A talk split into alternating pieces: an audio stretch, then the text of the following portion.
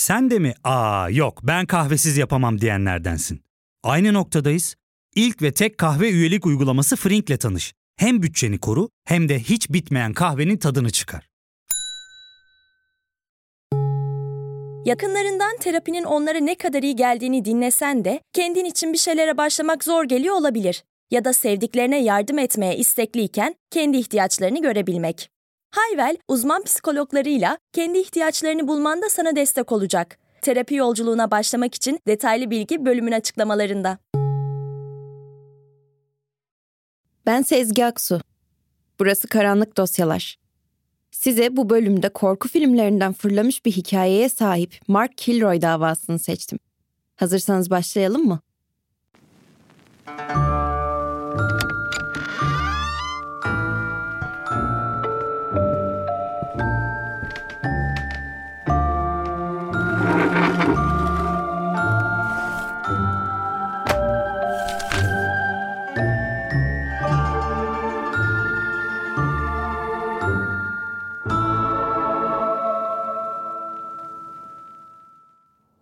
10 Mart 1989 gecesinin erken saatleriydi.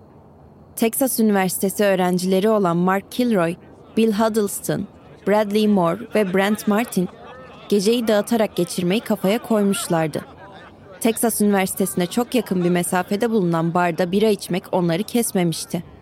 Henüz 20'li yaşlarının başlarında olan bu gençler daha fazla eğlenip dağıtmak için sınırın öteki tarafında yer alan Meksika'nın Matamoros şehrine gitmeye karar verdiler.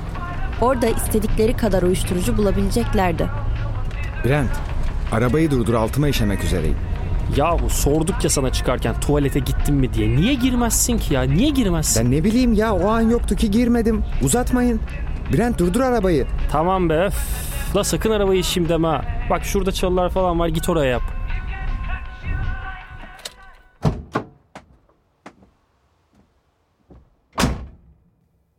Mark, Brent'in söylediği gibi sık çalılarla kaplı, kimsenin görmeyeceği bir yere çişini yapmaya gitti.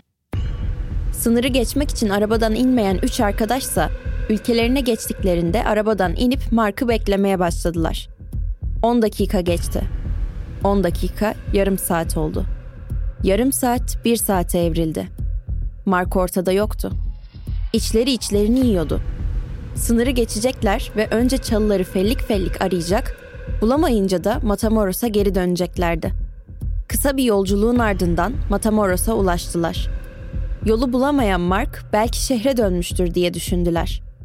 Ama cevap yine olumsuzdu. Gün ağardığı gibi ilk işleri Matamoros'ta bulunan Amerikan konsolosluğuna gitmek oldu. Konsolosluk görevlerinin tavrı üç arkadaşı rahatlatmak yerine sinirlendirdi. Arkadaşlarının başına bir şey gelme ihtimalinden ne kadar korktuklarını anlatırken konsolosluk yetkilileri Arkadaşınızın dün hem çok fazla içki içtiğini hem de keyif verici madde kullandığını söylüyorsunuz. Muhtemelen bir yerde sızmıştır yani korkulacak bir şey yok. Meksika polisi onu bulup ABD kimliğini görünce konsolosluğumuza teslim eder birkaç saate. İsterseniz burada, isterseniz dışarıda bekleyin. demişti. Fakat konsolosluk yetkilileri yanılmıştı. Mark dönmemişti. Mark'ın arkadaşları Matamoros'tan ayrılıp Brownsville'e döndüler. Mark'ın ailesiyle birlikte Cameron County Şerif Merkezi'ne gidip Teğmen George Gravito'ya ifade verdiler. Ancak ifade sonrasında bir sorun ortaya çıktı. Mark Kilroy Meksika'da kaybolmuştu ve George Gravito'nun yetki alanını kapsamıyordu. Neyse ki Gravito'nun Matamoros polisiyle arası iyiydi ve çokça kez işbirliği yapmıştı. Ancak yumruk beklenmeyen yerden geldi. Matamoros polisi Mark Kilroy'un Meksika'da değil ABD sınırında kaybolduğunu söyleyip işbirliğini reddetti. Matamoros polisi ne kadar isteksizse Meksika Federal Polisi o kadar istekliydi. Narkotik Şubesi'nin başkomiseri Juan Benitez Ayala, George Gravito ile direkt temas kurmuştu. Bay Gravito ile mi konuşuyorum? Evet, ben Teğmen George Gravito. Nasıl yardımcı olabilirim? Merhaba Bay Gravito. Ben Meksika Federal Polisi Narkotik Şube Başkomiseri Juan Benitez Ayala. Duyduğuma göre Matamoros polisi Mark Kilroy dosyasında sizinle işbirliği yapmamış. Evet. Onlar yapmamış olabilir. Ama ben sizinle işbirliği yapmak istiyorum. Uyuşturucu kaynaklı bir şeyler çıkacağına dair kokular geliyor burnuma. Lütfen en kısa zamanda buraya gelin ve detayları yüz yüze konuşalım. Ayala ve Gravito telefonu kapadıkları gibi buluştular ve soruşturmayı derinleştirdiler. Mark'ın ailesi ve arkadaşları da yetkililere yardımcı olmak için sürece dahil oldular. Matamoros şehrinin bulunduğu Rio Grande bölgesinin tamamını kapsayan soruşturmada halktan da destek almak için para ödülü dağıtmaya karar verdiler. Böylelikle hem İspanyolca hem de İngilizce olarak 200 binden fazla kayıp ilanı dağıttılar. Mark'ın bulunmasını sağlayan kişiye 15 bin dolar ödül verilecekti. Ancak gelen birçok aramaya ve ipucuna rağmen hiçbir şey elde edilemedi. Mark'tan tek bir haber dahi yoktu. Sanki yer yarılmıştı da içine girmişti. Davada hiçbir ilerleme kaydedilmediği için umutlar kesilmeye başlamış ve davanın etki alanı azalmıştı. Gelin görün ki Mark Kilroy kaybolduktan 3 hafta sonra çok çok garip gelişmeler yaşandı. Bu yaşananlar sadece marka ne olduğuyla sınırlı kalmayacak, çok daha kötü ve tam anlamıyla mide bulandırıcı gerçekleri de ortaya çıkaracaktı. Aslında her şey basit bir uyuşturucu operasyonuyla başlamıştı. Başkomiser Ayala ve ekibi Amerikan narkotiği ile birlikte Matamoros şehrinin yakınlarında bir barikat kurmuştu. Gelen tüm araçlar barikatı görünce durmuş, ardından araçları aranmış ve bir sorun yoksa yollarına devam etmişlerdi. Ta ki bir araç durmayı reddedene kadar. Ekipler barikatı delip geçen şüpheli Elio Hernandez Rivera'nın hemen peşine takıldılar. Gerilim filmlerini aratmayan bir kovalamacanın ardından şüpheli Matamoros'a yakın bir yer olan Santa Elena'daki bir çiftliğe girdi. Ve aracından indiği gibi yakalandı. Don't move! Narkotik için bu kovalamacanın sonunda çiftlikte ele geçirilen yüzlerce kiloluk marihuana asıl ödül olmayacaktı. Bu çiftlik büyük bir araziyi kaplıyor, içinde küçük bir kulübe yer alıyordu. Ayala ekibine o kulübeyi de didik didik aramalarını emretti. Ardından polisler kulübeye yürüdü. Ancak o kadar mide bulandırıcı bir koku vardı ki değil didik didik aramak, kusmadan durmak bile mucizeydi. İçeriye baktıklarında mumlar, bir sunak, büyük bir kazan gibi cadılık ritüellerini anımsatan nesneler gördüler. Polis o kulübenin içinde ne olduğunu anlamayı koku sebebiyle başaramamış olsa da ele geçirilen marihuana miktarı herkesi tutuklamaya yetecek seviyedeydi. Elio Hernandez Rivera'nın haricinde kardeşi Serafin ve evde çalışan yaşlı bir hizmetçi de tutuklanmıştı. Polis merkezine gidildiğinde bu uyuşturucu operasyonunun neden çok daha fazlasına gebe olduğu anlaşılacaktı. Çiftliğin yaşlı hizmetçisi Ben bu adamı tanıyorum. Gördüm bu adamı. Kimi gördün? Bu adamı işte kayıp ilanındakini. demişti. Yaşlı hizmetçiyle konuşan polis memuru koşarak Juan Benitez Ayala'nın yanına gidip durumu anlattı. Ayala da sorgu odasına gidip yaşlı hizmetçinin karşısına oturdu. Kayıp ilanındaki adamı tanıdığını söylemişsin. Evet efendim. Nerede gördün? Ulan duymuyor mu be adam? Nerede gördün dedim sana cevap ver. Çiftlikte efendim. Tam tarihi hatırlamıyorum. Üç hafta kadar önce kayıp ilanındaki adama yemek bile götürmüştüm. Sonra bir daha görmedim. Yemin ederim ki görmedim. Ayala resmen bir taşla iki kuş vurmuştu. Sorgu odasından çıkıp Hernandez kardeşleri sorguya çekti. Elio, yaşlı adamın bunak olduğunu, hiçbir şey hatırlamadığını söylemişti. Ancak Serafin, Elio gibi konuşmadı. Serafin, kayıp ilanındaki adamı tanımıştı. El Padrino, Serafin ve Elio'ya yakışıklı ve beyaz bir Amerikan genci kaçırıp getirmelerini emretmişti. Sorgunun devamında Serafin, kan donduran bir gerçeği daha Ayala ile paylaştı. Ulan kaçırdınız da neden kaçırdınız adamı? Derdiniz para olsa fidye için ararsınız. İntikam olsa şimdiye cesedini 50 kere bulmuştuk. Deli misiniz oğlum siz? Amirim şey, El Padrino bir insan kurban etmek istediğini ve istediği özelliklerin bu olduğunu söylemişti. Daha neler göreceğim ben. Siktir git! Götür şunu nezarete. Ayala, Serafin ve diğer polisler odadan çıktıktan sonra cebindeki sigara paketini ve çakmağı çıkarıp sigarasını yaktı.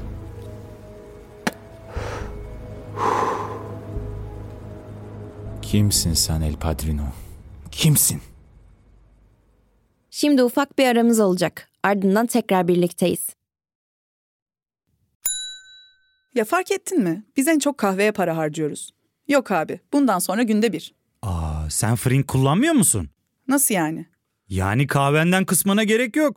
Frink'e üye olursan aylık sadece 1200 TL'ye istediğin çeşit kahveyi istediğin kadar içebilirsin. Günlük 40 TL'ye sınırsız kahve mi yani? Çok iyiymiş. Aynen. Hatta şu anda 200 TL'lik bir indirim kodu da var. E hadi hemen indirip üye ol da bu fırsatı kaçırma. Terapiye başlamak, içinden çıkamadığın döngüleri kırmak, bazı yanlış bulduğun kararlarını değiştirmek ve kendinle beraber daha huzurlu bir yaşam inşa etmek için atabileceğin en değerli adımlardan biri. Hayvel ile yoğun yaşam tempona uyum sağlayarak online terapi seanslarını takvimine göre ayarlayabilirsin. Bini aşkın uzmandan sana en uygun terapisti seçebilir, PodB10 koduyla indirimden yararlanabilirsin. Detaylı bilgi açıklamalardaki bağlantıda.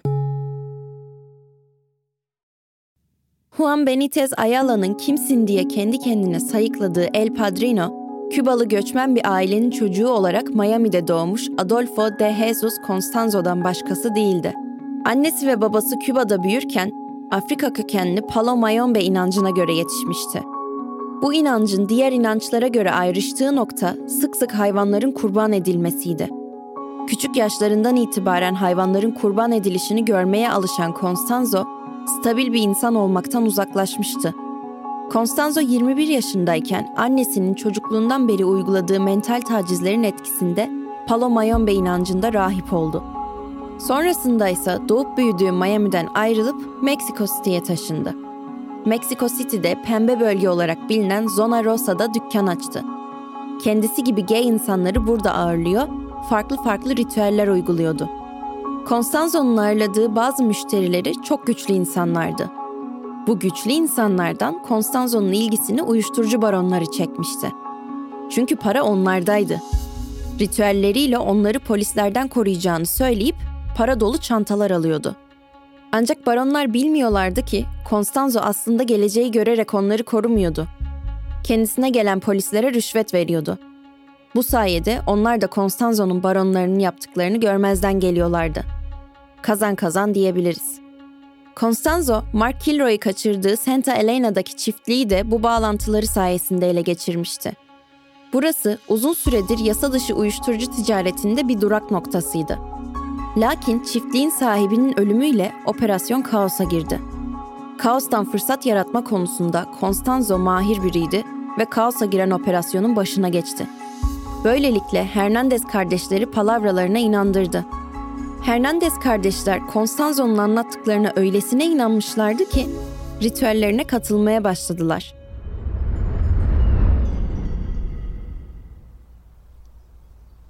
Juan Benitez Ayala, kim bu El Padrino sorusuna aldığı cevapların ardından Mark Kilroy'un cesedini bulmak için Hernandez kardeşleri çiftliğe geri götürdü. Ancak Ayala yine beklemediği bir cevap duyacaktı. Olur tabii ki. Ancak hangi cesedi? Ayala donup kalmıştı. Çünkü Serafin çiftlikte tek ceset olmadığını söylemişti. Ayala zorlanarak da olsa Mark Kilroy'un cesedini gösterin dedi. Serafin doğrudan cesetleri gömdükleri yere gitti ve Kilroy'un beden kalıntılarına ulaştıklarında şok edici bir ölüme kurban gittiğini fark ettiler. 10 Mart 1989 gecesi Hernandez kardeşler çevredeki barları El Padrino'nun isteğini karşılayacak bir kurban arayarak geçirdiler.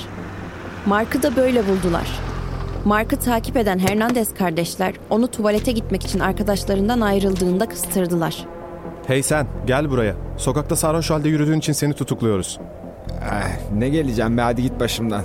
Polise mi dikleniyorsun sen? Gel lan buraya. Uzatma. Polis falan değilsiniz be siz. Sen... Çıkar kimliğini göster. Göster. Elio ve Serafin kimliklerini gösterip Mark'ı ikna edip minibüslerinin arkasına attılar. Minibüs durduğunda Mark kaçmak için yeltense de Don diye bağırılınca kasılıp kaldı. Ve Hernandez kardeşler onu Santa Elena çiftliğine getirdi. Mark'ın elleri bağlanmış, ağzına ve gözlerine bant yapıştırılmıştı. El Padrino gelene kadar çiftlikteki kulübede kaldı. Geldiğinde ise Mark'ı bir barakaya sürükleyip yüzüstü yere yatırdılar. Ardından Constanzo bir pala ile Mark Kilroy'un kafatasını kesip açtı. Kilroy'un beynini çıkarıp Palomayombe inancı için kutsal olan Enganga'nın içine koydu. Beyni kurban etmenin ona zeka ve bilgelik kazandıracağına inanıyordu. Constanzo bu sırada Hernandez kardeşlere de mezar kazmalarını emretti.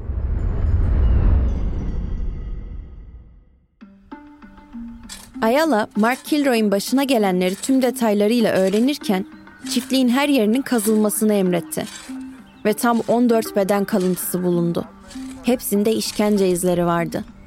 Polis Hernandez kardeşleri ve başka birkaç kişiyi gözaltına almış olsa da Constanzo'nun nerede olduğuna dair bir fikirleri yoktu.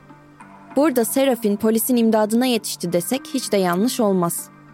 Serafin, Constanzo'nun baş rahibesi ve sağ kolu Sarah Aldrete ile seyahat edeceğini söyledi.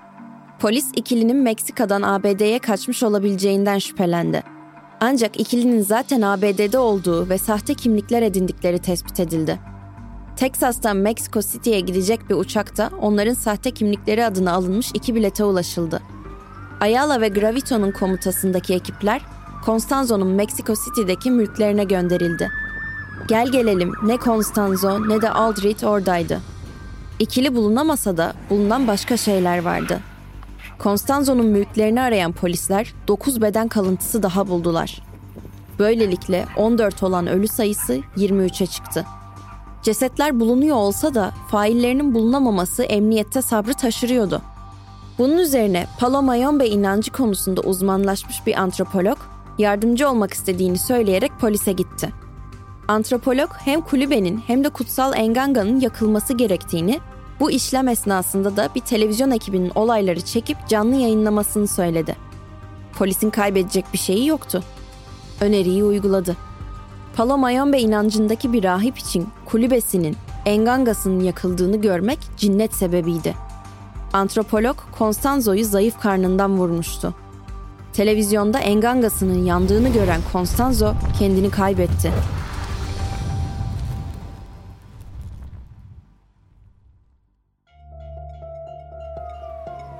Polis 6 Mayıs 1989'da başka bir şikayet için Constanzo'nun kaldığı apartmana gitti. Polisler onun o apartmanda yaşadığından bir haberdi. Lakin apartmana gelen polisi gören Constanzo paranoya halinde paralarını ocakta yaktı. Onu almaya geldiklerini düşünüyordu. Onun paranoyak tavırlarını gören polis dikkatini Constanzo'nun dairesine çevirdi. Constanzo polislerin kendisine pür dikkat baktığını görünce yaylım ateşi açtı. Polis de ona cevap verdi. Yaklaşık 45 dakika süren çatışmada Constanzo'nun silahından çıkan bir mermi bir polis memurunu yaralamıştı. Çatışmanın sona ermesi için Constanzo'nun ölmesi gerekmişti. El Padrino aldığı yaralar sonucu olay yerinde hayatını kaybederken yanında olan Sarah Aldrich yaralanmadan teslim olmuştu. Constanzo'nun tarikat üyelerinden 14 kişi cinayetten uyuşturucu kaçakçılığına uzanan farklı suçlardan yargılandılar. Ama bizim bu bölümdeki davamızın failleri olan Sarah Aldrich, Elio Hernandez ve Serafin Hernandez birden fazla cinayetten hüküm giyerek 60'ar yıl hapis cezasına çarptırıldılar. Bu noktada sizlerle kişisel bir yorumumu paylaşmak istiyorum. Olaylardan sorumlu birçok kişi tutuklanmış ve cezalandırılmış olsa da içimin tam olarak soğuduğunu söyleyemem. Constanzo ve annesi de ceza alıp hapsedilseler daha iyi olurdu diye düşünüyorum. Çünkü Constanzo'nun birçok kişiyi korkunç işkenceler sonucu öldürdükten sonra hiç bedel ödemeden bu dünyadan gitmiş olması bu davayı buruk ve öfkeli bir sona sürüklüyor bana göre. Yine de artık kimseye zarar veremeyecek olmasıyla yetinmemiz gerekiyor sanırım.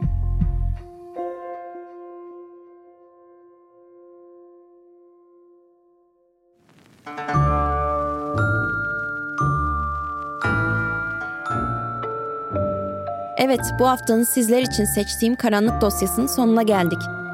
Bir sonraki karanlık dosyada görüşmek üzere. Kendinize iyi bakın.